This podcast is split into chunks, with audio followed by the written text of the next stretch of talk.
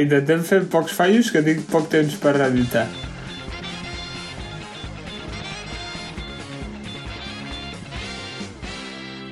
Ara, i aquí, comença Quatre Quartos. Un programa per fer-te 5 cèntims sobre diners, finances i inversió. Amb l'Antoni Domingo i en Martí Martínez de Morentin. Som-hi, som-hi! Si estàs escoltant això, vol dir que 1. Ja ha arribat el divendres i els aires de cap de setmana. 2. Ens esperen 30 minuts sobre calés i derivats. 3. Avui venim comptant els dies que ens falten per jubilar-nos i 4. Quartos, ja està en marxa. Seguim aquí, el món segueix girant i ens anem fent grans. Semblava ahir quan participaves als Jocs Florals de l'escola i de cop no saps què ha passat, però t'enganxes a un talent show de TV3, veus cantar a la jovenalla, fas càlculs i veus, esgarrifat, que hi ha concursants que són 8 anys més joves que tu. Duríssimes declaracions. Després d'aquest horrorós xoc de realitat, hi ha dues opcions. 1. Evadir-se de l'inevitable pas del temps, o 2. Entomar-ho amb ganes i amb els deures fets. I aquesta és l'opció 4 quartos. Avui parlem dels plans de pensions, un tema que sembla inevitable veure al lluny, però, ai amic, tot arriba. Per descomptat, no ho faré sol. M'acompanya el conseller financer que tot amic voldria. Antonio, avui canvio la pregunta. Com et tracta la vida i quin hobby tens que és més de iaio i adult que de la nostra edat? Molt bon dia, Martí. Doncs a veure, la veritat és que deies ara de, de TV3. A mi em passa molt amb els futbolistes, eh? Quan veig els futbolistes nascut 2004, i dius, què? Però no era jo. He edat encara de ser futbolista, això ja, això ha passat factura. I la vida com em tracta? Doncs prou bé, la veritat que prou bé, però sí que me n'adono que tinc hobbies més de jove i més d'adult, eh? Per exemple, avui volia anar a un concert de música clàssica, escoltar Asmar Rachmaninoff i Prokofiev, i també l'altre dia vaig anar a fer un curs de pintura. Ostres! Això, estàs passant la crisi dels 40 als 25, eh, Antonio? Hòstia, sí, Cursant sí, sí, de pintura és interessant. Però a part d'això, crec que, crec que ens mantenim joves, ens mantenim amb força i que venim avui a parlar d'un tema que creiem, com bé has dit, que és molt important que no oblidem, tot i ser joves, perquè al final del camí sempre és present, sempre està allà. Sí, sí, és un tema que està pensat per la gent gran, però ens afecta a tots. El PP. Els plans de pensions PP, sí, sí, van triar bé el nom, eh? van triar bé el nom perquè el tinguem tots aquí l'imaginari nostre. I què són els plans de pensions, no? doncs vinga, posem la musiqueta, som-hi. Que quina hora és? L'hora de comptar diners. Va. Um, exacte, endavant. Com, com, què són els plans de pensions i, i, i per què ens hauríem de preocupar ara i no quan ens estiguem a punt de jubilar-nos? Cada no, els plans de pensions, en el fons, és un producte que complementaria la nostra pensió pública si existís. Un sí molt important, no? Però, aviam, vull dir, si tu contribueixes durant tota la teva vida em, a les pensions públiques, no?, i pagues els impostos que toquen, això no ens assegura en un futur? Com, com va la pensió pública? És a dir, la pensió pública es basa en que els contribuents paguen a la seguretat social per tal que quan es jubilin, després d'uns anys cotitzats, aquest estat retorni en forma de pensió a, a tu com a contribuent i puguis doncs, viure i tenir les teves despeses. Això és la teoria, no? La teoria és que tu aportaves, aquests diners els guardava el teu amic estat, te'ls anava fent créixer, però quan tu et jubilessis, ell te'ls tornés crescuts en forma de la inflació i tu poder-los gastar com tu quers. Però No, no té fissures. és un pla ideal. És un pla ideal que no ha estat així en cap moment. I el que ha passat és que el nostre estimat estat, i, i com hi tants altres, eh? tampoc no és que siguin nosaltres molt pitjors que altres, són pitjors que alguns, però no tan pitjors que els altres, el que ha fet ha estat que el que aporten els contribuents avui serveix per pagar les pensions d'avui també. Per tant, què pot passar en un futur o què segurament passarà, tot i que encara estan estirant-ho tant com poden? Doncs que quan tota la part dels baby boomers del postfranquisme es jubilin, que spoiler són molts i que cada cop viuen més anys, ens tocarà els cada cop menys joves que encara vivim en el país pagar-los la pensió a ells, la qual cosa és insostenible. O sigui, és realment insostenible. I això és, és un tema que fa una mica de por, que un dia entrarem en detall si voleu per espantar-vos, però que no volem fer-ho avui. Avui volem parlar un to més optimista i per tant ha de ser així, però sí que és important entendre que el pla de pensions públic, tal com el coneixem, segurament s'extingeixi en un futur. Bé, és important parlar d'aquest desajust generacional, no? El que idealment seria tu amb els teus impostos et cobreixes la jubilació, eh, això es fa en alguns països, per exemple, a la Caixa de les Pensions eh, de Noruega hi ha 187.000 euros per, per habitant, per noruec treballador, bueno, per, per habitant en general. En canvi, en, a, la, a la Caixa de Pensions Públiques espanyola hi ha... Hi ha també similar, no, Martí? Sí, en lloc de 187.000, 172. 1.000. No, no, 172. Llavors, òbviament, vull dir, si això és, és el que ja ha estalviat, um, doncs tot el... el, el no, no, no es guarden aquests diners eh, s'han fet servir per moltes altres coses i això ho veiem, no? Eh, per afrontar tals despeses s'ha utilitzat la caixa de pensions i es va fer un forat a la caixa de pensions i al final tu no pagues per tu sinó pels altres. Què passa? Que això és un desajust generacional. En el moment en què tens en compte molta altra gent, quan la societat està equilibrada i la piràmide poblacional no pateix cap canvi es pot arribar a ser sostenible, però... En el nostre cas és totalment insostenible. Sí, i, i, i, i pot ser totalment injust. Eh, esperem que no ho vulgui, però en períodes on l'atur sigui molt alt i que no hi hagi moltes contribucions, doncs potser una persona que està treballant tota la seva vida... I confiant en que l'Estat li pagaria la pensió. I confiant en això, no, no pot fer-ho, perquè, perquè l'Estat simplement no té els diners no, sí, sí. no, és, no és malícia. bueno, és malícia, però... és malícia com s'han administrat al llarg d'aquests anys i sobretot és malícia que no hagin escoltat quatre quartos, perquè, com estàvem comentant, els noruecs el que fan és invertir les pensions en renda variable i diferents tipus d'actius que han fet una rentabilitat molt bona aquests últims anys perquè comptaven en que el seu producte d'inversió per als habitants a molt llarg termini, tota la vida laborable, podien invertir en actius més de risc que ha fet el nostre estimat govern espanyol? Ha invertit la majoria de la caixa de pensions en bons de l'estat espanyol. Perquè no necessitaven, entenc. Exacte, és a dir, amb la, amb la caixa de pensions es finançaven a ells mateixos i generaven un interès molt pobre pels habitants.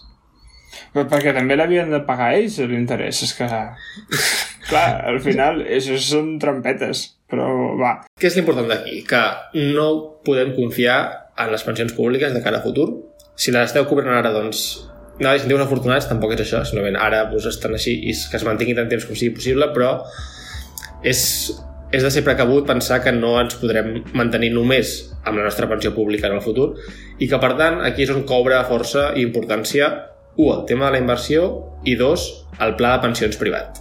I bàsicament, em, com entendries un pla de pensions privat? És, són diners que aportes tu al llarg de la teva vida treballadora i després cobres com un extra o com va això més o menys? Els plans de pensions privats és tal qual com els nostres estimats fons d'inversió. Són exactament el mateix en el sentit que són un continent que inverteix en uns actius i aquests actius generen rentabilitat. O sigui, hi ha plans de pensions eh, que inverteixen sobretot en renda variable, n'hi ha, n'hi deu haver equilibrats amb una mica de renda variable i una mica de renda fixa i, i més conservadors, etc etc. no? Vull dir, a nivell de gestió d'actius és molt similar. És el mateix. Això sí que és una noció que a vegades la gent no entén i diu no, inverteixo en un pla de pensions que és més segur perquè és per la jubilació. El pla de pensions serà tan segur com tu vulguis que sigui, perquè no... L'únic que és el pla de pensions és un continent, igual que un fons, on s'inverteixen en actius. Per tant, Quina és la diferència, no? Et vols preguntar, Martí? Ex... doncs m'ho has tret de les mans, exacte. doncs la diferència és, un, els límits d'aportació i dos, la fiscalitat a la qual estan sotmesos. Com havíem comentat, els fons d'inversió es paguen impostos pel benefici que no obtens quan els vens. No? És a dir, si tu vas invertir a un fons d'inversió a 100 i quan el vols retirar val 150, sí. pagaràs impostos sobre aquests, sobre aquests 150. 50. Seria l'impost del capital. Això. Sí. Tu tens un capital, generes rentabilitat, per tant pagues un impost sobre aquest capital. Fantàstic. El pla de pensions té una fiscalitat que es basa en l'impost sobre les rentes del treball. Què vol dir això? Que el pla de pensions és com una aportació extra a la teva pensió i, per tant, a nivell fiscal actuarà com si fos una renda del treball. Val, perquè s'entén que els beneficis que et dona el pla de pensions, com també com és sou endarrerit, eh, Exacte. cotitza a través del sou, no? Exacte, bàsicament és endarrerir el teu sou futur. Tal qual, és a dir, vez de cobrar-ho ara, ho cobraràs més tard. I per tant, com que quan ho cobris, si no tens el sou molt alt, eh, es tramitarà en, en trams més baixos, no? Exacte. Que eh, llavors el percentatge d'aquest impost serà més baix, entenc. Exactament, sí, sí. És a dir, la idea del pla de pensions, o la seva principal avantatge, és que és una mena d'assegurança del teu sou a nivell fiscal. És a dir, si tu ara estàs treballant i cobres molt, pagaràs un IRPF molt elevat. Mhm. Per tant, aportant el pla de pensions, per tant, endarrerir aquest sou està fent que per aquesta part del sou no paguis aquests impostos. Ah, perquè això és important. Tu, si cobres uns diners i els passes a un fons d'inversió, aquests diners sí que tributen en el Exacte. moment en què els cobres. Però si els passes a un, fon, a un pla de pensions, no et tributen com a, com a sou que has cobrat? No tributen, exacte, et descompta. Llavors tens Ah. ah. un missatge a Hisenda de que, hola, et tornarem tants diners. Això sempre fa il·lusió. Ah, això ens agrada. És, és, aquesta, és que és molt important entendre la noció de que estem endarrerint el nostre sou. I per tant, si tu estàs en un moment de la vida en què estàs cobrant un bon sou i pagant un bon IRPF a conseqüència, estàs estalviant-te els impostos d'aquest sou que estàs endarrerint. Perfecte. Quan cobres la pensió, estaràs pagant un altre IRPF en funció de la pensió que cobris. I aquest sou que has endarrerit i que més ha generat rendibilitat, l'estaràs cobrant pagant-ne un IRPF menor. D'acord, doncs anem a, al moment de cobrar, que a mi ja m'agrada. Um, en quin moment pots treure els diners que tens un pla de pensions? És el dia en què et jubilis? Eh, o, per exemple, si jo he estat estalviant i haig d'afrontar una despesa important i tinc, jo què sé, 40 anys, no puc, si necessito els diners, treure'ls del pla de pensions? Pagant fiscalitats en trams més alts, però... O sigui, està prohibit treure els diners d'allà o com, com van aquests límits? En principi no pots treure a no ser que dues, tres coses importants. Una és que et jubilis, com bé dius, un cop et jubiles ja pots retirar-ho. Uh -huh. L'altra és que tinguis una invalidesa important, llavors ho pots treure també. I l'altra nova llei és que ho pots treure al cap de 10 anys, si vols. Aquesta és una Val. llei és bastant nova, des del 2015 o 16, crec, i llavors ja, un cop passen 10 anys, si volguessis ho podries treure. Però, si ho traies aleshores, no, no et beneficiaries d'un impost al treball, sinó que també seria un impost al capital, el que hauries de pagar. D'acord. O sigui, però a part de... O sigui, no, no hi ha una penalització de... Oh, doncs pago com si fos un fons d'inversió que em faci poder treure aquests diners eh, al cap de 4 anys, per exemple, eh? No, no, si no justifiques amb alguna d'aquestes mesures, no ho pots treure. És un dels principals problemes del pla de pensions, que no tens aquesta liquiditat que tenen els fons d'inversió. Vale. O sigui, hi ha limitacions a l'hora de treure els diners i també m'has explicat que n'hi havia a l'hora de posar els diners, oi? Exacte. A l'hora de posar els diners, això és com el principal problema, jo crec, dels plans de pensions avui en dia, almenys a Espanya, és que està limitat a 1.500 euros per persona i any. Que 1.500 D'acord. euros, evidentment, per alguna gent és molt, però realment, si vols crear la teva pensió de futur aportant 1.500 euros l'any, per molt que et generin, no, no et farà una pensió per poder sobreviure en un futur. És a dir, abans era 8.000 euros, que estava molt bé, podia portar fins a 8.000 euros l'any, Mm, I tant. o 30% del teu, del teu sou, si era menor, Més que suficient. i ara és, això, màxim 1.500 euros. Que, per tant, no et generarà una diferència molt important. I hauries de complementar igualment la teva inversió pel futur amb fons d'inversió o altres actius. Ara bé, per què han fet això? Això han fet per potenciar una cosa que són els plans de pensions d'empreses. Que em diràs, Martí, és un pla de pensió d'empreses? Doncs també perquè vaig molt peix en aquest tema. És el PPE, o sigui, el, el PP espanyol, saps? O sigui, aquí tens allà cada cop més... Vocabulari. Popular Espanyol. Exactament. No, el pla de pensió d'empresa és literalment el mateix que un pla de pensions individual, però en el qual l'empresa hi pot aportar per tu. Llavors, l'empresa també es desgravaria part de les seves cotitzacions que han de fer a Hisenda pagant-te tu part del sou en un pla de pensions. Ah, que això és, jo ara eh, tirant d'experiència personal, una mica el que passa a Suïssa. A Suïssa, um, crec que doncs, part, de, part del teu sou se'n va a un pla de pensions que gestiona una empresa eh, subcontractada per, per, el, per l'empresa per la qual treballes. Exacte. Eh, llavors és el pla de pensions d'aquella empresa en concret. I tu aportes una part i l'empresa aporta una part. I crec Exacte. que hi ha beneficis fiscals per amb dues parts. És tal qual com dius, i a més, si tens en compte el pla de pensions d'empresa, pots aportar entre aquest i el pla de pensions individual fins a 10.000 euros. Per això has de tenir una empresa que tingui un pla de pensions. Això és una empresa que D'empresa, tingui un pla de pensions, que no sé si passa a tot arreu. a la meva experiència personal no passa a tot arreu, però crec que és bo que en la mesura del possible, si tu tens la possibilitat de comentar amb el teu, amb el teu jefe d'introduir de pensions d'empresa, és una cosa que beneficia tant a tu com a treballador com a ell com a empresari. Exacte. Si aquest estiu aneu a ajudar a un restaurant, per exemple, sé si podeu comentar al propietari Ei, escolta, que m'he estat escoltant un podcast que em diu que el que hauries de fer és... aquí que estan dient que m'has de fer un pla de pensions d'empresa. I realment seria un bon consell, però està clar que serà una iniciativa limitada, però la idea és això. El que vol l'estat espanyol és que els plans de pensions siguin més d'empresa que individuals. D'acord. I ja per acabar el tema de les limitacions, un cop et jubiles, tu pots treure els diners tots de cop o els vas traient a poc a poc? Com ho gestiones? És a dir, és simplement per evitar els trams de... Aquí, aquí hi ha dues mesures, exactament. O sigui, tu un cop tens tot el, el muntant acumulat de, del pla de pensions i arriba la jubilació, hi haurà més d'un que dirà, hòstia, mira aquí, tota la meva bossa de diners que he anat acumulant tota la vida, la trec de cop. Spoiler, sale mal. Clar, és el problema? que has dit, no? Com que tramita... Eh, ai, com que trams. tributa. Vaig dient tramita i és tributa tota l'estona. Em sap greu, oients. Com que tributa per tram, si ho pots treure a quantitats petites, tributa menys, però per poder es podria, no? Exacte, serà un complement a la pensió. O sigui, imagina't que la pensió són 1.000 euros, posem el cas, una pensió bastant estàndard a nivell espanyol. Que no serà aquesta, però imaginem que el futur és ideal i que és aquesta. I tu li sumes treure 500 euros extra del teu pla de pensions, doncs tributaràs com si tinguessis una pensió de 1.500. Què passa? Que si tu arribes a la jubilació i dius, venga, hacerme el viajecito de mi vida, i, agafes, i et treus els 30.000 euros que tenies als plans de pensions i sempre dirà, hòstia, mira aquest ha cobrat la pensió de 1.000 més els 30.000 que tenien al pla de pensions ha cobrat uns 42.000 euros anuals i a aquest li cau, li cau una bona destralada.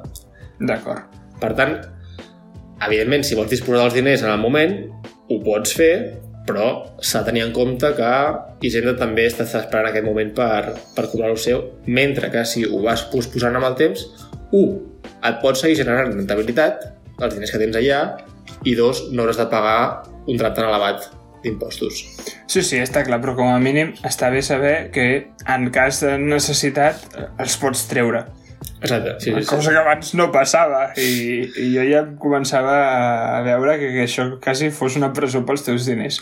Però no, no, aviam, eh, està clar que té les seves avantatges i potser destinar part dels teus estalvis, eh, encara que sigui amb aquest límit que tu dius que no és relativament alt, a un pla de pensions, podria ser una bona idea per algun oient que ens escolti? Jo crec que és una bona idea, sobretot els plans de pensions d'empresa. Els plans de pensions individuals crec que per el poc volum que et deixen aportar Mhm. no faria una diferència molt important.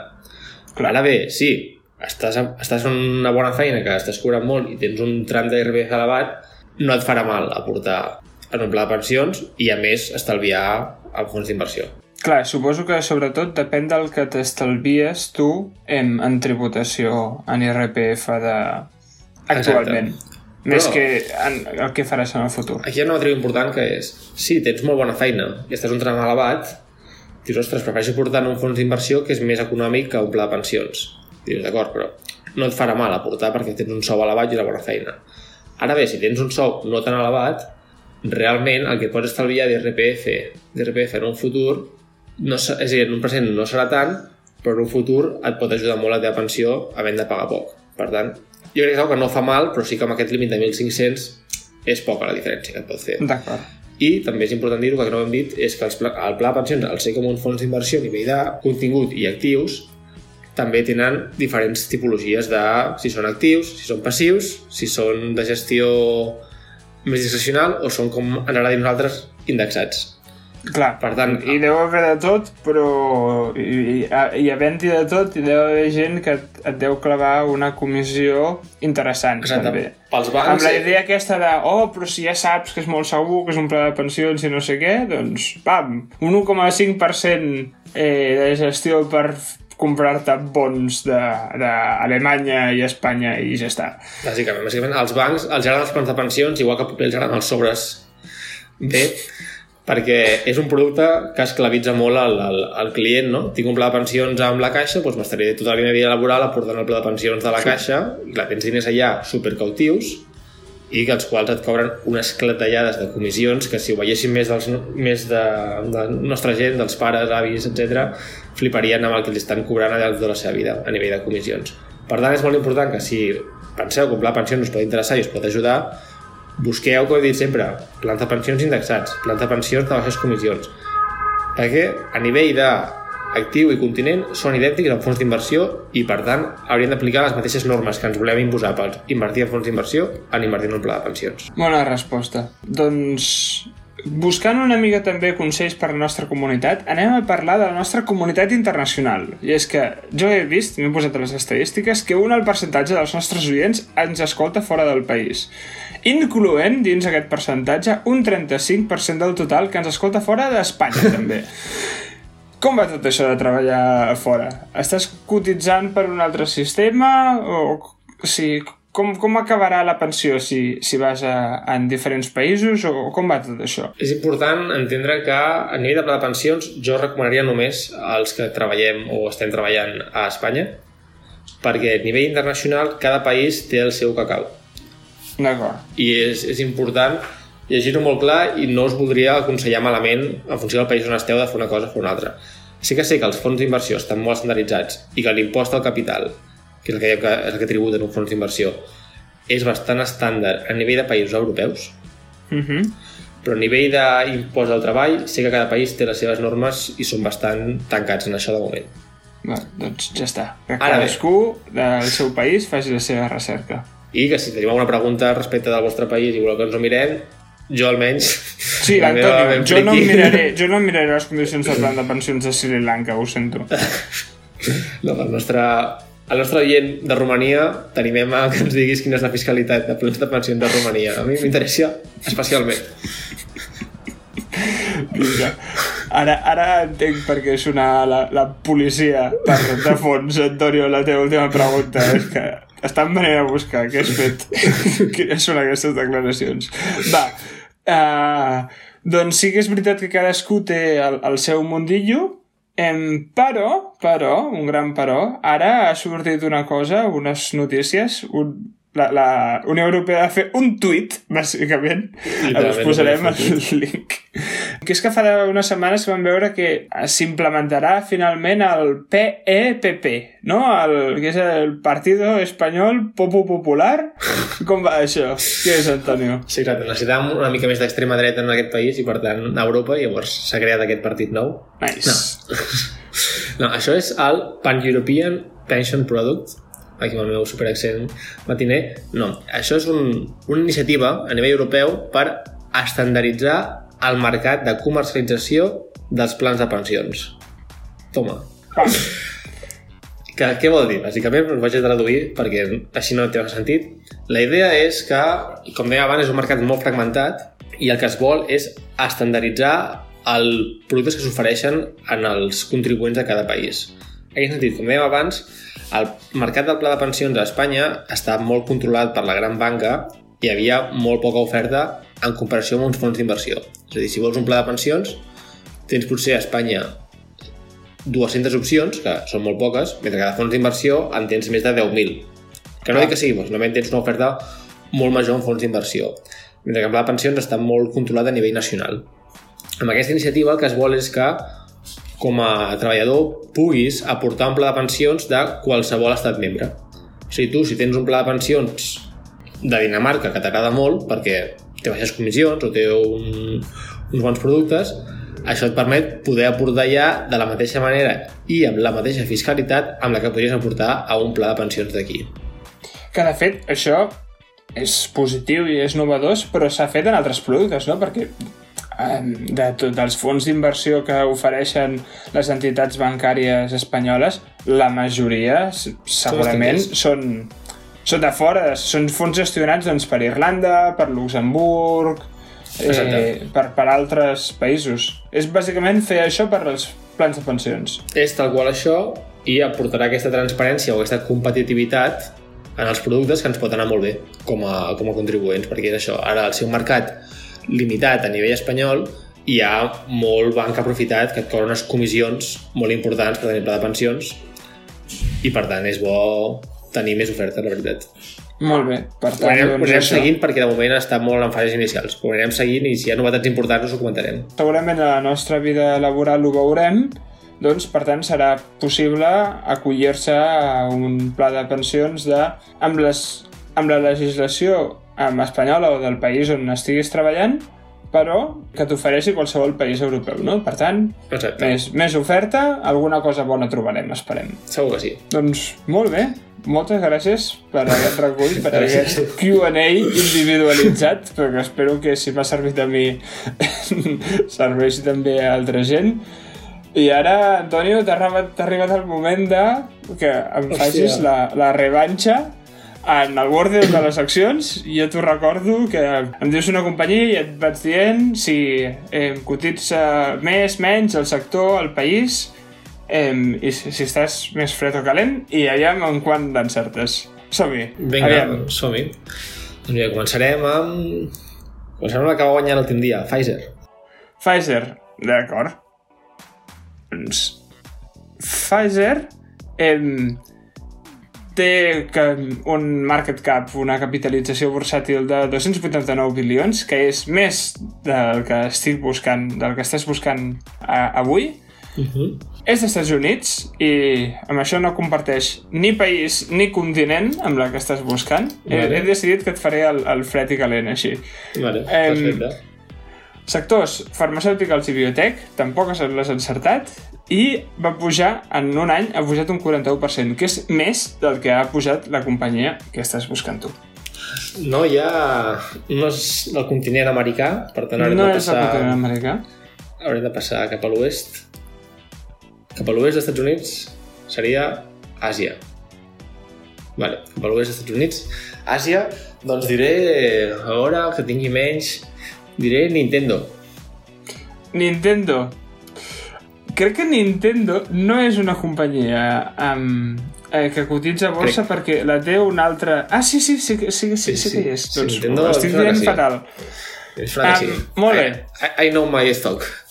Nintendo. Has encertat el país, Vamos, ostres, això ja... però no és Nintendo. Vale, vale, vale.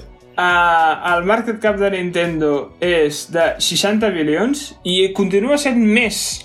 O sigui, és una companyia més petita que Nintendo.